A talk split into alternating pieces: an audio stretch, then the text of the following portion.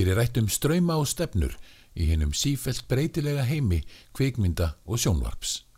Ég heiti Áskrimur Sverrisson og þetta er Klaptrið, hlaðvarp á vegum klaptrið.is.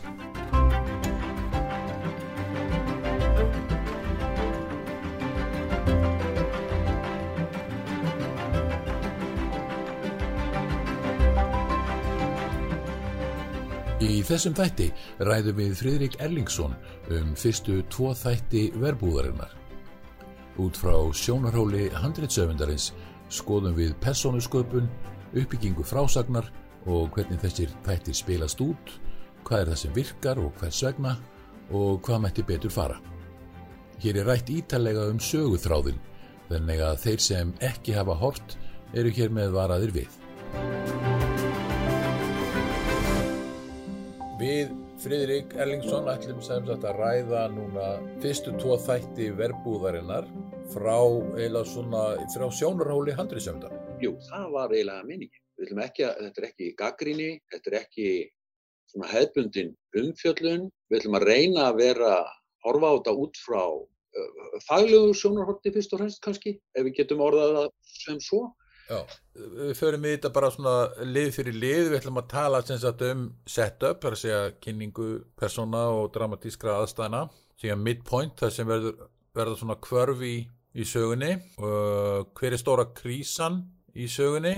Og, og hvarna er hún hámarki, það er að segja climaxin og svo útkoma, resolution. Við byrjum á, á hérna, setupinu í fyrsta þætti. Já, í fyrsta þætti í upphafinu í setupinu þá kynnust við náttúrulega fyrst Jóni Hjaltalín og Hörpu. Já, sem sagt Jón Hjaltalín er bæjarstjórin og, og, og Harpa er, er nýna, dögg leikur hana, hún er bæjarreitarinn. Já, og við erum strax sett inn í umhverfmáli snýst, setupið mjög stert og skýrt. Þau eru að býða eftir mönnum að, að sunnan til að undrita samning út af uh, tógara sem að Jón ætlar að, að uh, kaupa á svona torfa bróður sínum sem er aflahæsti skipstjóri landsins. Málið er það að Jón Hjaltalín þarf að fá bróður sinn uh, að samningabornu á samt mönnunum tveim og sunnan Já. til að undir þetta samning. Það er setupið. Já. Það er spenna í bænum, menn vita af þessu, það er mikið í húfi, uh, skipið hefur kvóta eða sem sagt fær kvóta með þessum skipstjóra.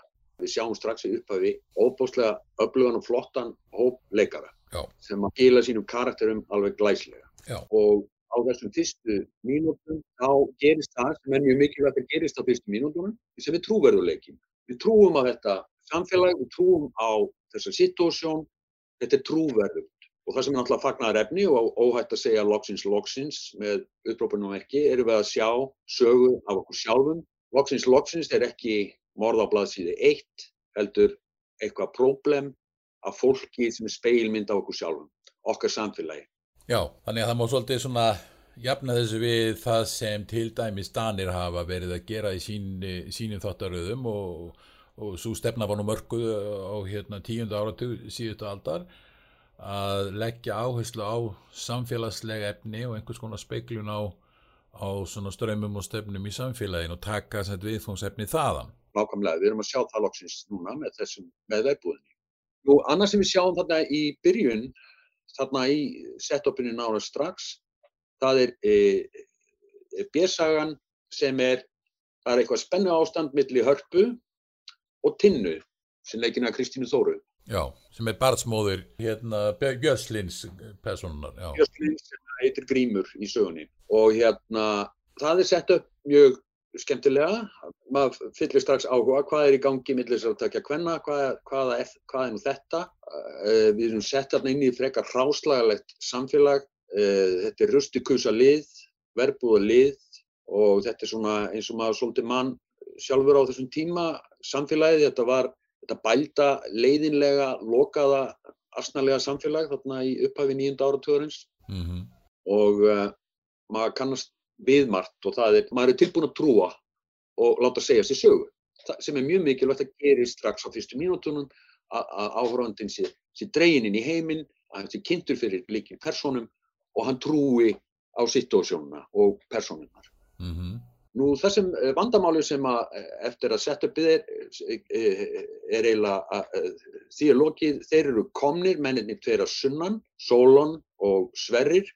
Solon er bankastjóri, Sverrir er fyrir tryggingafélaginu, mjög skeptiskum maður eins og, eins og allir tryggingamenn eiga að vera, Regina Ólaf Agli og Solon af, af, af Jóhanni Sigurðarsinni og mjög, mjög samfærandi og flottir. Um, og vandamálið er að Torfi, Torfi er hvergi. Nema að Harpa þarf að laupa á stað að leita að Torfa. Og hann alltaf liggur döður upp í rúmi og það þarf að græja hann af stað og, og, og, og koma hann á samlingabárunum til að setja staðinni sína undir. Mm -hmm. Þetta verður síðan svo litið vandamálið að koma honum uh, í gang og uh, tekst svona nokkurt með einn, þá erum við komin að midpoint í raun og veru. Já.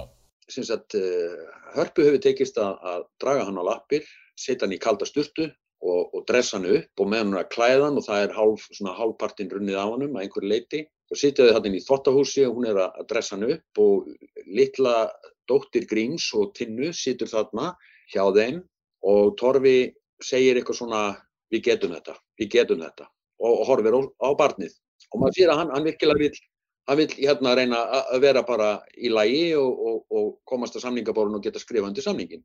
Þá sjáum við að hann fer á stað og hann stoppar og lítur í áttina bíl, opnar skottið og fyrir að róta í því og finnur þar frostlaug og fyrir að drekka frostlaugin. Þannig að náttúrulega á milli er hann, er hann búin, að, búin að fá líka hérna, eitulif upp í, í sparigatið eins og, eins og hann Ella orðar það, sýstir hörpu. Þannig að hann er komið spýtt í raskatið og hann er að fara að fá sér frostlaug. Þetta er midpoint. Þetta finnst mér, þarna finnst mér vera veikleiki Vegna þess að við vitum það er, það er að koma ball, það er brennivín út um allt í þorpinu. Hann þarf ekki að grafa eftir einhverjum frostlegi. Það er nóga brennivín, við sjáum hann augnabliki síðar komin á ballið og þampa brennivín og fara í slagsmáli eins og alveg sjómaður. Það sem hefði verið þarna, að því að hann er nýbúin að gefa lofvorð við litla batni, við getum þetta, hann ætlar að gera þetta, hann ætlar að koma, komast upp á skrifstofun og skrifundu samningin það hefði verið gaman að sjá hann sko glíma svolítið við sig, við brennivínslöngunina og, og skilduræknina. Hann væri að ganga beint á, á, hérna, á, á fundinum og þá væri einhver fyrir utan ballið, væri að drekka, kallaði í hann, byði hann um vín, nei, nei, ekki núna, ekki strax á eftir, en samt, hann gæfi eftir einhvern veginn þannig. En ég náttúrulega sleppið því út að hann fer náttúrulega á fundin, hann, hann reynir að skrifa undir hann kastar upp og þá fer hann til ellu og, og fær þarna spýtti í, raskati og svo er hann á leiðin tilbaka þegar þetta er og hann tekur frostlögin. Og svo er hann bara komin á ballið. Það er orðið dimt og þeir get ekki flóið, gaurarnir að sunnan, tilbaka þannig að þeir verða að gista yfir nótt. Það sem gerist er að, að þeir síðan fara báðir á ballið. Eh, þarna hefði ég viljað, sko þarna var tækifæri fannst mér sem að hefði verið gaman að sjá, þar sem þeir tveir hefði verið að tala saman um þessa situasjón í þorpinu. Tala um þarna hefði verið möguleiki kannski að dýfka aðeins, hefði geta fengið uh, upplýsingar um pólitíkin á bakviðið allt saman. Sko, Solon hefði geta reynskilið við Sverri, Sverri reynskilið við Solon, eitthvað sem þið segja ekkert fyrir framann þau þarna.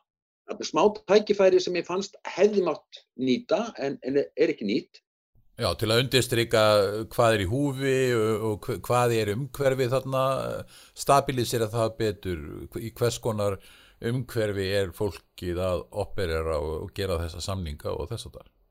Akkurat og, þegar við í, í, í, gegnum þáttinn fram að þessu við sjáum að sólunum er ákveðin í því að ljúka þessu samningi þarna, meðan að Sverrir vil bara fara sko.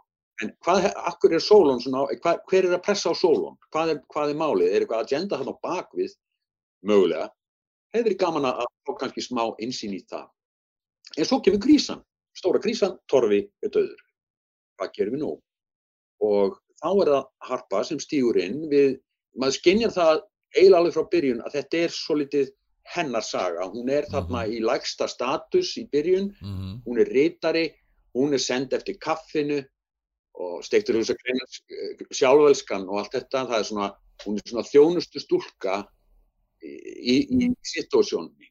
En þetta er hennar reys, við, við áttum okkur fljótt á því sem er mjög gott, að þarna stýur hún inn sem stóri reddarinn þegar, þegar Torfi finnst döður og hún kemur þarna inn í herbyggið og hún finnur þar samningin sem hann hafi tekið með sér þegar hann, þegar hann kvarf út af, af, út af fundarherbygginu til að kasta upp. Þannig að þarna rekst hún samningin, hún lítur á hann og er að lesa hann í raun og veru í fyrsta skipti og átt að segja á þetta er ekki sölu samningur, þetta er leigusamningur. Þannig að hún er snögg að stilla upp nýjum díl á samt uh, vinafólkinu, Freytísi og Einari og, uh, og leggur þetta borð fyrir Solon og Sverri. Þeir segja, Solon segir, já, þú verður að hafa, pólitíkin verður að vera með, Jón, Jón verður að vera með og það er eiginlega stóra mómentið að hún fer þarna heim til hans og reynir að fá hann til að vera með í þessu. Það er raun og veru klæmaksinn sko. Eh, það sem við vitum áður er það að eitthvað hefur verið í gangi millir Hörpu og Jóns sem að hún vil ekki, hún vil ekki að það gangi áfram sko og það er bara eitthvað, eitthvað sem gerðist óvart og þeirra á milli. Hann er hins vegar döðastongin af henni, segir henni að hann segja konunni sinni Gunni um, um, um af þeim og allt þetta og, og, og, og vilji skilnað og hafi sagt henni það eitthvað svona sem alltaf bara kjartaði í honum. En þarna kemur harpa til þeirra haldandi það að Gunni viti um þetta sem gerðist á milli hennar og mannsins hennar. Byrjar að afsaka sig í dyrunum en Gunni heldur bara hún sé að tala um torfa og harpa áttar sig á byttunum við, hún veit ekki neitt. Og, og svo byrtist Jón í dyrunum og hún segir Jón ég samryggist innilega og eitthvað svona og uh, ég þarf að tala við þig og þau setjast í eldurspóli. Og þannig kemur þessi, þessi dýl til, uh, rauninni, kemur til á annan hátt heldur en uppháflega var lagt með. Sem er bara mjög fínt, það er svona skemmtilegu snúningur á þessu öllu saman og það kannski þessum að, þessum að myndinni sem að færa að þessu öllu saman, öllu þessum sam, öllu þessu samningsferðli er svo sko að rauninni að það er svolítið verið að svinga þetta allt saman. Það er að að það er verið svona reyna að græja þetta, láta þetta ganga upp en, en uh, þetta uh, sko svo, svo runni menn men, svona detta um lausnirnar doldið óvart. Eins og hvernig persóna nínu, Harpa rauninni uppgötar að þetta er alveg geranlegt fyrir þau að ganga inn í þetta sjálf. Þannig að þetta fer alltaf stað svona fyrir halgerða tilviljun Þetta má segja að þessi yngvar sko sem verður örlega valdurinn í því að hans persóna, Torfi, skipstjórin, að því hann deyr þá fer Nína í það að kíkja á samningin, eða fyrir ekki að já við hörpu. Þetta er alveg rétt sko, samningurinn og þetta ferli, þetta er svona klassísk íslensk skítaredding. sem er gott sko, þetta er, mjög, þetta er allt svona, sannfærandi sko. Þetta er mjög trúverut og sannfærandi sko. Við sjáum að autoritetin sko sem er að reyna að hafa allan protokól í lægi, já. sem er Solon, en aðalega Sverrir oh. sem líst ekki eftir á þetta oh. af því að hann er bara svona akkurat, hann er bara svona Excel maður, akkurat maður. Og það skal allt vera bæðu búk og, og ég bara hef enga trú á þessu. Og hvað minn góð veðsittja húsin ykkar. Hvað við, þetta er ekki hægt. Þaðan er, er, er, er pressan, þaðan kemur sko svona á að gera þetta. En þetta er allt upp og niður þarna í þorpinu og, og, og verður íslensk klassísk skítaretting sem er dásam það er jú það sem þess vegna erum við öll hér ennþá. Það er bara fyrir skítarettingu einhverja í gegnum aldirna. Ísland skítarettingi í 1100 ár. Já, skítarettingi í 1100 ár, nákvæmlega. Gott slagur. en kemur, svo kemur þetta dásamlega samtal í eldhúsinu sem er einhver flottasti díalókur sem ég hef séð í, í, í, í sjónvarpi eða kvikmyndum núna undanfari, bara í mjög langan tíma. Það sem er svo þykkur undirteksti sem það sem Jón og og Harpa er raun og verið að tala um hvort annað og þeirra samband en á yfirborðin að tala um þennan samning og það að, að Jón ætla að fara á þing og svo framvegis og svo framvegis.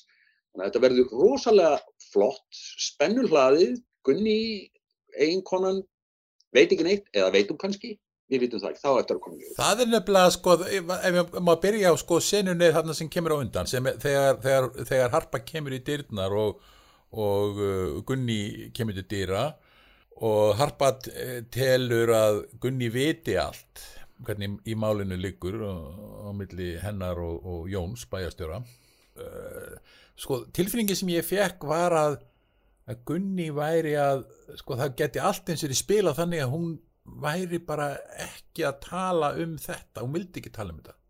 Og þess vegna notar hún tækifæri og nefni torfa, hún bara beinir talinni annað og ég fór að hug, hugsa hvort er þetta ætlunin sko en, en uh, svo svona eh, verður það langsóttur eftir því sem álýður sko en allavega með að hvernig, þetta, hvernig hún byrti síðan í öðrum þetti hún virðist vera meira bara clueless uh, en ég hugsa að það var svona svolítið skemmtilegt tækifæri vegna þess að bara því að svona fólk hefur tilnefingu til þess að forðast að tala um hlutina, nota tækifæri og fyrir að tala um eitthvað annað ef það er hægt og svo frammeðis og, og þannig að mér fannst það svolítið skemmtileg pæling en allavega það skiptir ekki máli það er þetta að lesa þetta á, á, á hvort hátinn sem er en e, er að hún viti ekki neitt eða hún viti allt en beini talinu öðru en það, það sem er svo gaman í þessu bæð þessari sennu og svo næstu sennu eftir sem er í eldúsinu að, að það er svo mikið það er undir texti í öllum, öllum samtölum sem, sem er svo heil, heillandi að fylgjast með það, svo, það er bara svo djúsi og það er svo flott og það er mjög velgert sko. endirinn á þessu tætti er alveg brilljant líka alveg óbúslega flottur sko. Harpa ennir á Rikki með, með eh, hérna, dóttur Gríms Hansesíns og Grímur er að stíma í land á sinni litlu trillu og hún segir að nú verður pappi hissa við, við viljum vita hversu hissa verður pappi og hvernig fer þetta? Þannig við erum, við erum hérna húkuð fyrir næsta þátt, við, erum, við viljum sjá meira. Alveg algjörlega, já, við viljum vita meira og, og kynast nánar þessu fólki og, og, og sjá hvernig hvernig allt þetta uh, leysist. Og kannski svona við horfum eh, vítt yfir sviðið sko bara varðandi andrumsloft og það sem byrtist í, þátt að, í fyrsta þættinum hvaða heimur byrtist í fyrsta þættinum þá fannst mér það, sko, það, það var allt kunnulegt, hvernig fólki var, hvað það var að gera, hvernig það, náttúrulega fyrir utan það, hvernig það var klætt og þetta, allt, allt þetta svona svolítið, svolítið gróft allt saman og, og svona svolítið að móka sér á umulegitin og móka sér svolítið áfram, sko, djöblast áfram. Mér fannst það allt saman vera mjög trúverðugt. Já, já, þetta er náttúrulega, sko, það sem er merkilegt, eh, eh, sko, það er höfnuleysið og vinnuharkan, sko. Nú er, nú er, við erum með fulla fiskvinnslu og fiski við þurfum að gera á hún skemmist, sko. Og þá er allir á spýtti við, við, við, við færibandið að halda sér gangandi til að klára þetta. Þetta er náttúrulega, sko, það sem er merkilegt líka er að, að þarna sjá nútíma Íslendingar að einu sinni voru Íslendingar að vinna í fiskvinnslu það hefur við ekki séð í langan, langan tíma. Nú er það bara fólkverið á tælendingar. Maður er náttúrulega ólust upp við þetta, en já, já, jú, jú. Ok, já. þannig að svona stóru, stóra myndin í þessu, þetta, þetta er lýsing á, á því hvernig það er náið samspil á milli pólitíkur og business, það er að sjá businessin er náttúrulega sjávaröldurinn, uh, kannski svona grundtónin í þessu, þetta, þetta snýst það til að um afkomu fólksins og ákomu bæjarfélagsins að hlutinni rulli og að það gangi svona allt sæmilega smurt fyrir sig innan þessa kerfi sem hefur verið smíðað.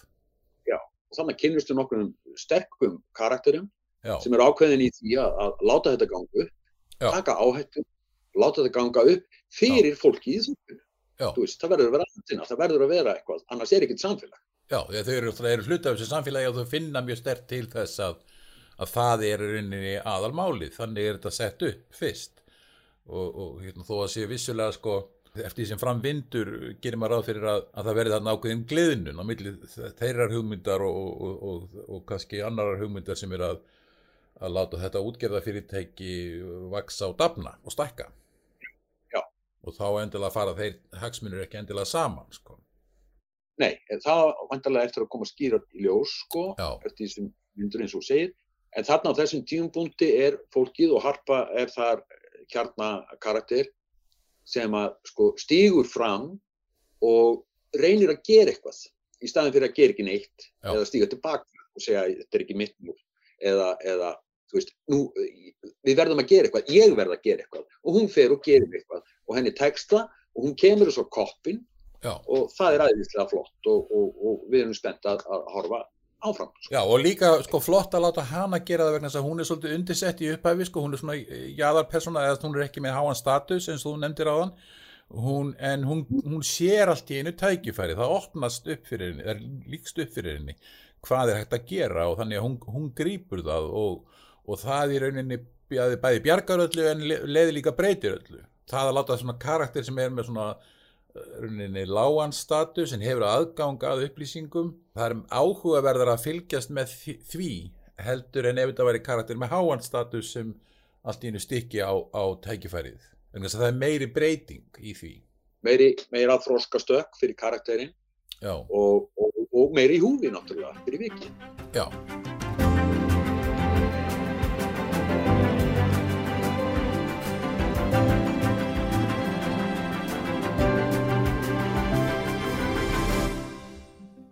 Nú þá erum við komnir í þátt 2, so far so good, segjum við.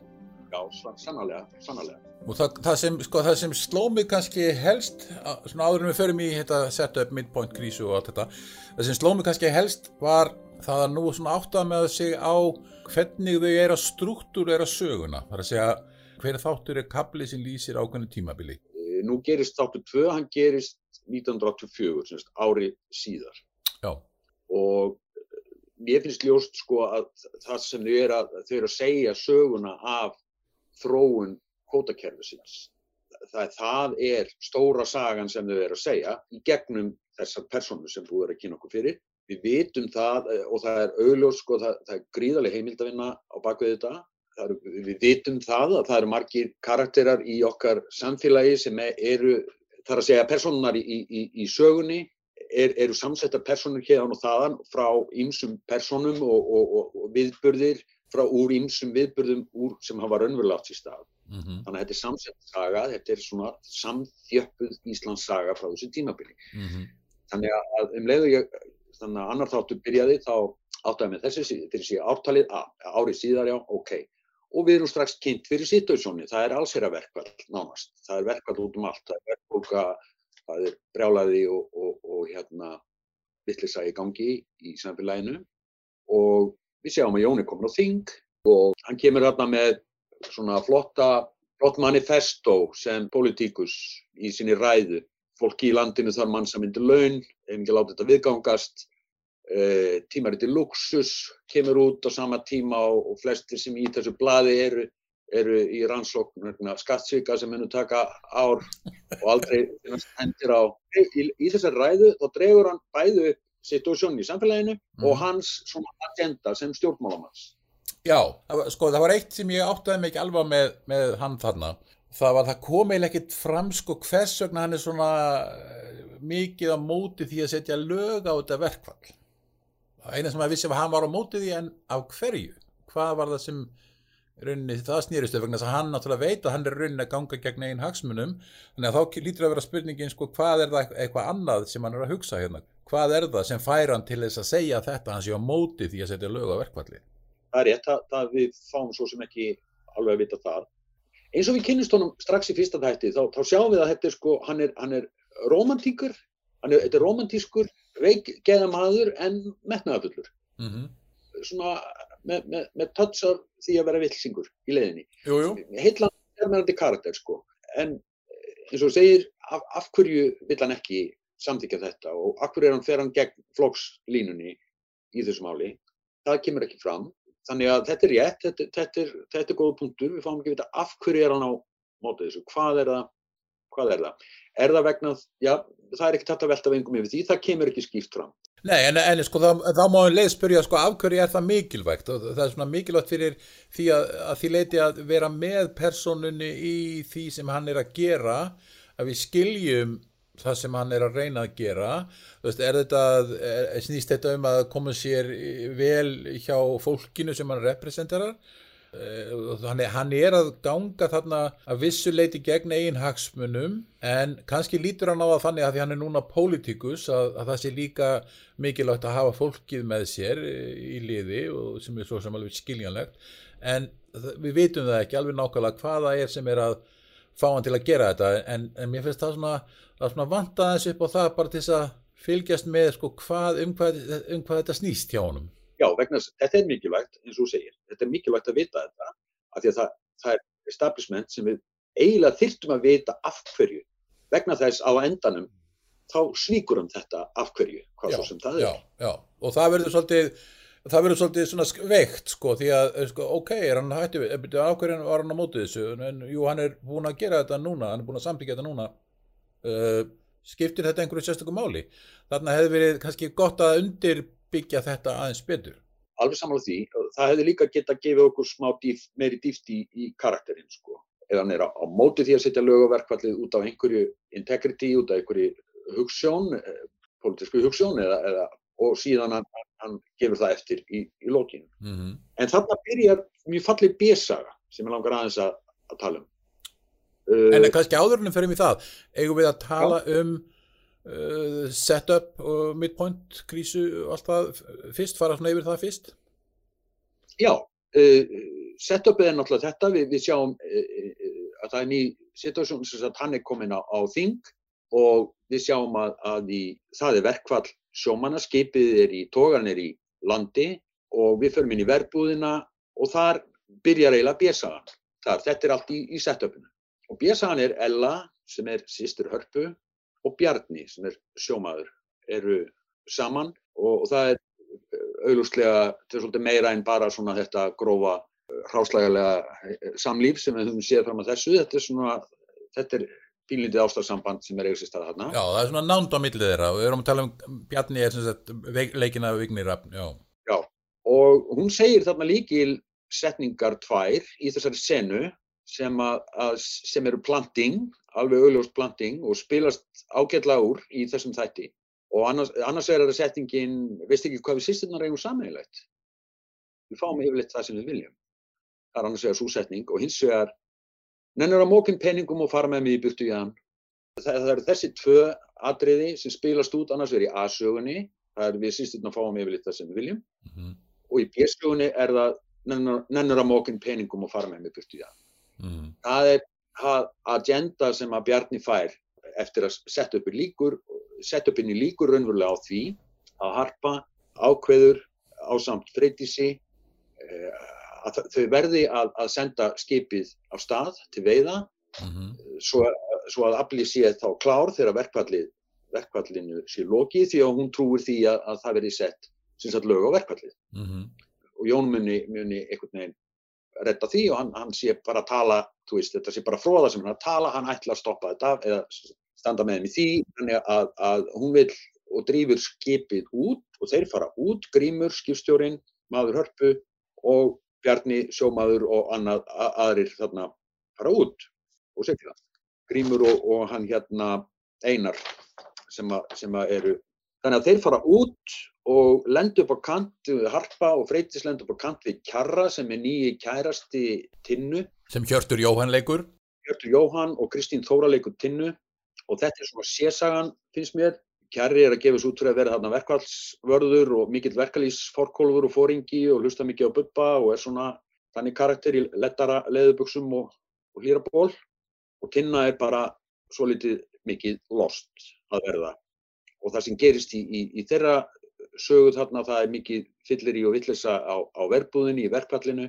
Harpa fyrir að hafa áhyggjur af sæjunni sem að eins og sæjun væri hennar einn dóttir. Henni líður vel hjá þeim, hún er í öryggi hjá þeim, hún veit af sæjunni þarna í verbúðinni þar sem allt er náttúrulega á haus í drikju og dópi. Hefur áhyggjur af því að hún á að vera hjá tinnu núna. Þannig að hún fer í verbúðina með sýstur sinni og þær taka barnið þaðan. Bjargani úr, úr þessari vittlesu þar sem hún stúlkan sefur inn í rúmi með með, með hérna heyrnaskjól svo hann ekki, svo hann getur sofið fyrir að háa hann. En það er mjög stert, síðan koma þær heim til hörpu með barnið og harpa segir við Ellu og eiginlega skipar henni hennar gæðsalappa. Hún segir, ég vil ekki sjá tinnu hérna í bænum þegar skipið kemur tilbaka. Hún eiginlega skipar Ellu að losa sig við tinnu og þetta spilar aftur inn í þetta að við sýstum að fáum yfirleitt það sem við viljum. Og þarna er stóra sýstur að gefa þeirri yngri ordru, sko. Og er eins og gottfæðir sko. hún talar, hún segi, gefur ekki beina skipin hún gefur svona skipin sem þú þarfst að skilja. Framaldi á þessari situásjón er, er, er, er svo að Ella plantar þarna dópi í eitthvað stígvél ringir í Gils löggu sem er döð ástangin af, af Ellu. Við, sem Pétur Jóhann leikur alveg snildarlega low-key og, og hérna þau eru sem sagt handtekinn Kjarri og, og Tinna og útsýðum að það verði einhverjar ágjör þeim meir. Uh, ég er nú kannski að hlaupa yfir hérna aðeins því að þau fara inn í kjarri og tinna, fara inn í í húsið hennar hörpu þegar hún er ekki heima. Og uh, nei, það, er, það er síðar í þættinum reyndar, það er síðar í þættinum. Það er svona niðurlægið á, á þeirra sögursóldið og það er fyrir tinna fyrst og fremst inn í barnaherbyrgið og mjög fallegt og mjög átakanlegt og Kristín Þóra alveg náttúrulega ótrú, sínir ótrúlega flotta, flotta takta.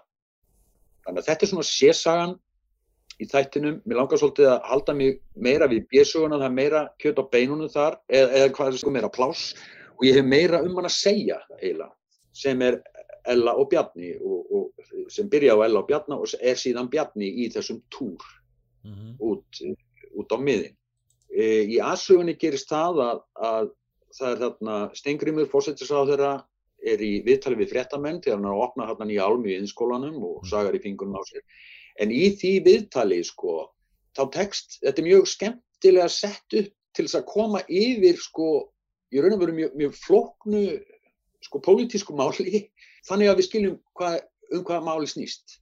Við fáum hérna grimmar spurningar frá, frá einum bladamanni og Stengrimur svona reynir að, að, að sko svara þessu og, og jarða þetta og, og þegar bladamann aðstæðslega segja ég geti þá kannski bara kett mér skip og bara farið að veiða og já þú erður kannski, þú erður áræðanlega betri sjómaður heldur en bladamaður. Þú veist, þú gefur honum upp boltan með að skjóta hann í kaf sko og þar með sigra e, umræðina eins og mm -hmm. allir pólitíkar náttúrulega vilja gera og það er mjög skemmtilega unnið e, og að, það sem er mikilvægt til þess að senja að texta koma yfir flókinni situasjón á, á skil, skiljanlegan hátt. Já og það má líka uh, segja kannski í senunni á milli uh, Stengrims og, og, og Jóns uh, Hjaltalín þarna undan að þar er, þar er svona laðar, það leggur Stengrimur honum línutnar með hvernig hann eigi að operera hva, hva, hvað er það sem gæti orðið honum til framdráttar? Því að Jón er náttúrulega svolítið svona að fikra sig áfram á svellinu, þessu pólitíska svelli. Og Já. þannig að Stengrim eru svona að gefa hann til kynna hvað, hvað þurfa að gera hvað megi gera og hvað megi ekki gera og, og, og svona hvernig hann eigi að operera til þess að fungera vel og til þess að fá svona brautargengi sem pólitíkus í, þessi, í þessum bransa. Ef við förum inn í þráðinn þá í, í Þorpinu er hann Páll sem er yfir fiskvinnslunni, Harpa og hann eru, eru í debatti og hann ógnar henni mjög, mjög ákveðið. Þetta er mjög flott gert þessi, þessar litlu senur millir þeirra tvekja. Mm. Það eru þrjár í þessum þætti, þess, annars vegar það sem hann er að vara hann við og segja hún skulle aldrei gleyma hún, hver hún var, sko, glemdi mm. því ekki, -hmm. bara bæjarið freyr. En uh, það sem gerir síðan sko er hann grímur ringir frá skipinu í hörpu segir við erum búin að fylla bátinn og það er ekki búin að leysa verkvalli, segir hún, getur ekki komið hingað, hvað gerum við þá? Og þá ætlar hún bara gangið að leysa það og ringir til Breitlands, tala við hann í húl sem heitir Kevin og þetta er mjög flott múf og í framhaldinu mjög, mjög flott, en þarna vantar alveg að planta Kevin. Þetta vantaði, fannst mér, ef að, ef að aðeins fyrr hefði verið búið að kynna það að það væri einhver Kevin í húl jafnvel sem væri að reyna að ná í hana eða eitthvað sem hún talaði um sem eitthvað möguleika sem hún hefði hafnað en þarna síðan reynist hún þurfa að hafa sambandi Kevin, eitthvað á þeim nótum Já. til þess að bara að, að tilla þessu þarna inn aðeins á undan. Þetta kom pínulítið eins og skrattin úr söðulegnum hvaðan kemur þessu hugmynd, hvaðan kemur þessu laus sko. Þetta er pínulítið deus makkina opolítið eh, þarna. Að, að, nú, eh, En allavega þeir fara til hull, þeir hitta hennan mann, hlusta á opinmyndir og hann tala og, og síðast en ekki síst uh, reikna út hvað þeir fá fyrir aflan og það er midpointið að Já. þeir selja aflan fyrir stór fér, 300.000 rún pund, 16, 16 miljónir íslenskar króna á, á þessum tíma. Mér finnst aðeins svo mikið lögð áherslu á Hóreri í höll, ég var ekki alveg að kaupa þessa, þessa mellur sem stóð þarna við landgangin alveg tilbúin að taka það bara beint af bátnum sko. E, þarna þegar þeir hitta Kevin sko hún senan öll Grímur og, og Einar og Kevin allt það mál gengur mjög skemmtilega upp. En þarna fannst mér þarna á bérsagan líka stóran hluta sem er Bjarni og þar mm. fannst mér tapast aðeins tækifæri sem ég hefði viljað sjá aðeins betur unnið úr í staðin fyrir sko að fara þarna einhvern pub og tala við stelpu, jú, það er eitt sem kemur það fram að eh, þú mátt ekki kveiki síkarett á kerti þá drefur sjóman, en svo sjáum við ekki kveiki síkarett á kertinu, nætti við það þannig að, að ég hefði frekar vilja sjá Bjarnar fara og kaupa þennan ring og eiga þetta samtal við sko stelpun í búðinni þar sem hann að velja ring handa stúrkunni sinni sem hann elskar. Mm -hmm. Skilur að, að sjá aðeins meiri svona að, að, já, ég saknaði tækifæris að dýfka bjarna ég hefði freka vilja sjá hann leggja hart að sér að finna akkurat ringin sem hann langar að gefa henni síðan að láta hann taka ákvörðum um að kaupa dóp til þess að mókin pening til að taka hana í burtu mm. úr þorpinu. Mm. Því að það er það sem hún baða hann að gera. Mm. Nú er hann komin til húl, hann veitir seldu aflan fyrir stórfið, þannig að hann veit að hans hlutur verður góður, en hann er með mikið af pening, hann gæti fengið meira át þessu, hann gæti mókaðinn pening til að taka stelpuna burtu úr þorpinu. Og það gæt, hefði geta orðið sko svolítið svona pínu siðferðisklíma sko valið hvað á ég, á ég, á ég ekki. Og hann velur að gera þetta til þess að geta tekið stelpuna með burt úr þorpinu. Því við sjáum bara þegar hann er að vesla dópið. Við sjáum ekki hvernig hann fær þá hugmynd, eh, hvort hann yfirleitt þarf að glíma við það, en það hefði verið möguleikið þar að dýfka hann sem karakter og dýfka aðeins þessa situásjón að hann langar að taka stelpuna burt úr þorpinu. Þú veist, að sjá hann glíma, þú veist, að milli samvinsku og ástar, þú veist, eitilifin, þú veist, það er, það er vondmál, en þú veist, ég, ég get grætt það við pening og ég ger það fyrir hana. Ég ger það til þess fyrir okkur, mm. þess að tryggja okkur framtíð einhvern veginn. Og síðan alltaf gerist það sem þú nefndir að á, á heimstíminu þá er þeirra að veiða meira. Þannig kemur upp í brú til þess að byggja grím stýrstjóra um spýtt til að halda henni þessu aðlega að dreipast þetta nýri. og hann lætið að hafa eina töflamann þarna hefði aðeins þurft að auka vinnuálægið, sín okkur aðeins meiri þreytu, herða á öllu aðeins mm. og, ja, og grímur hefði algjörlega átt að neyta því að gefa þeim nokkuð mm. stöf. Ég fannst að pínu veikt að Bjarni fer út í þessu vittlösa veðri að, ná í dópið þeirra sem eru búin að fela þarna borðið skipinu á, á hættulegasta staðnum í skipinu Já. bara til þess að ná í eina töfli viðbót sko, handa, handa hverjum og einu. Já, það hefur mótið undirbyggja þetta betur og því að þú svo verður líka svolítið brátt um hann sko, það er svona, þetta, þetta, þetta verður, sko, það búið að leggja svo mikið í þennan karakter. Byggja hann upp sem personu sem á þess að þetta góða samband við, við Ellu uh, og Já. hefur væntingar um, um gott líf uh, síðan endar þetta með því að hann fer út á þilfar í brjálegu veðri og skólast fyrir borð og svo bara er klift á jarðarför næst og það verður svolítið svona aðeins svona, það vantar aðeins upp á að það svona fái þá meðferð sem ég mest að eiga, þessi karakter eiga skilið. Já, og ég, held sko að, að hans uh, slísalega andlátt, það hefði verið sko, hef, hefði við fengið að sjá hann í húl, leggja meiri áherslu og rækt á þetta sem hann ætlar að gera, hann ætlar að kaupa þennan fallega hring, velja fallegasta hringin í búðinni fyrir hann að ellu, hann, ætla, hann, hann glýmir við það á ég að kaupa dóp á ég ekki að köpa, á ég að gera, það er áhætta, það er áhætta en, en, en ég geti grætt heilmikið á því og þá get ég tekið hana burt, þá hef ég mókað inn pening til að taka hana burt úr þorpinu sem hann mm. vill náttúrulega gera. Þannig að ef við hefðum séð þetta, mm. þá, þá, þá hefði sko situasjónið þarna um borð, þó hann, hafi, þó hann fari snögt sko, það hefði verið aðeins, það hefði verið dýbra sjokk, það hefði snert aðeins meira við okkur. Mér finnst það ekki virka að láta Grím bara gefa þeim eina töflamann þú veist, hann hefði alfarið átt að neyta því eða segja bara að það er búið eða það er ekki til eða skilur þú, þannig að hann hefði neyðst til þess að fara út, hann þurfti að neyðast til þess að fara út og sækja dópið. Já. en ekki bara, þú veist, að því hann langaði eina töfli viðbók sko. Já, en það má segja svona sögnin í söllu saman er rétt eða bara vantaði aðeins upp á þessa dramatísku uppbyggingu og hérna til þess að þetta virkaði svona með nægilega, hefði getið verið áhrifaríkara. Já, hefði mátt aðeins svona tíka hlutin aðeins til. En tölum þú aðeins um, uh, um hérna kaupin á fiskvinnslunni, hvernig það allt saman kemur inn í, inn í söguna. Þarna aftur sér harpa tækifæri sko og hún grýpur það og, og með því er hún að stækka náttúrulega fyrirtækið, auka áhættuna en með þessum svakalega pening sem, sem bara þessi sala er að færa þeim, þá er hún með rúmlega fyrir þessari fyrstu útborgun sem Solon nefnir. Sagt, hún fer, hún tekur þessa ákvörðun Páll í fiskvinnslinni hótar henni og, og, og, eða ógnar henni þú segir að ef, ef, ef að báturinn selur eitthvað annar staðar þá kemur hann ekki ofta að bryggja hér og svo framvegist þannig að við vitum að það er heilmikið í húfi núna allt í hennu mm eða sem meira en, en, en í upphafi sögu. Svo kemur þessi fundur hérna í Reykjavík sem sagt harpa ákveður að fara suður, hitta Jón Þingmannin og Sólon bankastjóra. Og þetta er alveg hreint brilljant fundur og opbúslega skemmtilega og vel skrifað og frábælega leikið ekki síst af Nínu Dögg.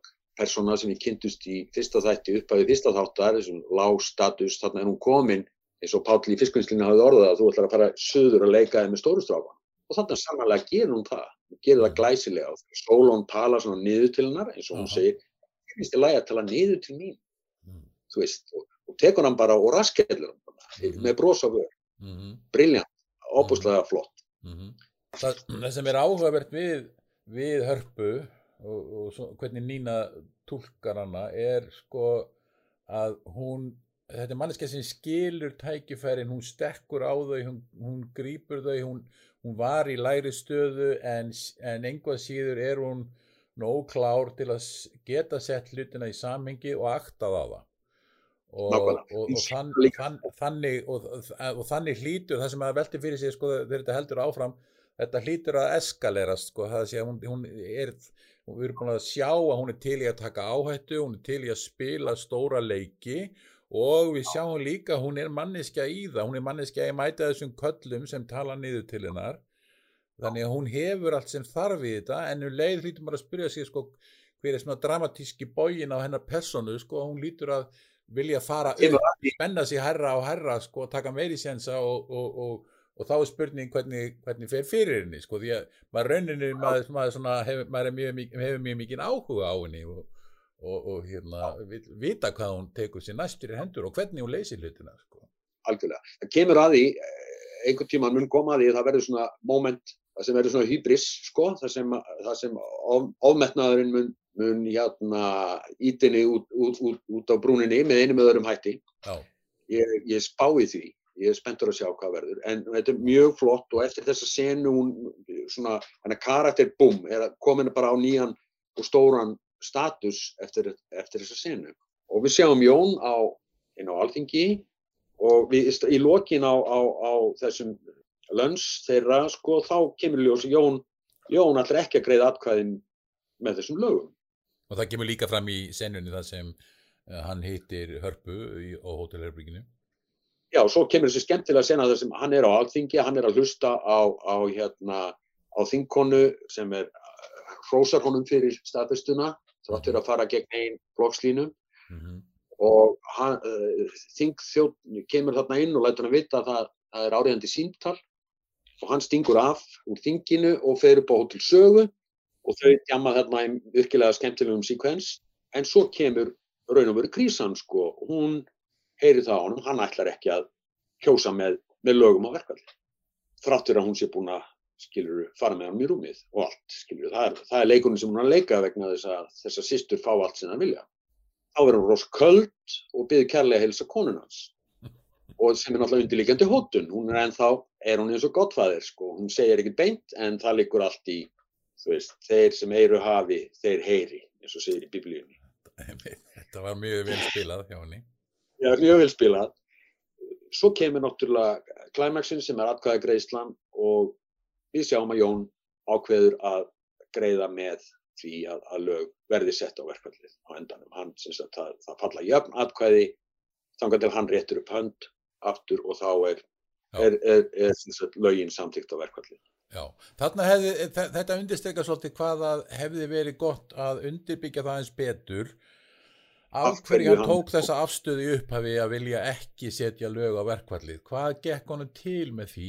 Því að maður skilur, jú, ok, hans er snýst hugur á síðustu stundu vegna þess að hann er, hann er uh, vonast til þess að þetta haldi áfram hjá þeim hörpu uh, og svona, jú, jú, sem vissuleiti skiljanlegt, en, en hvað gekk honum til hann framan af?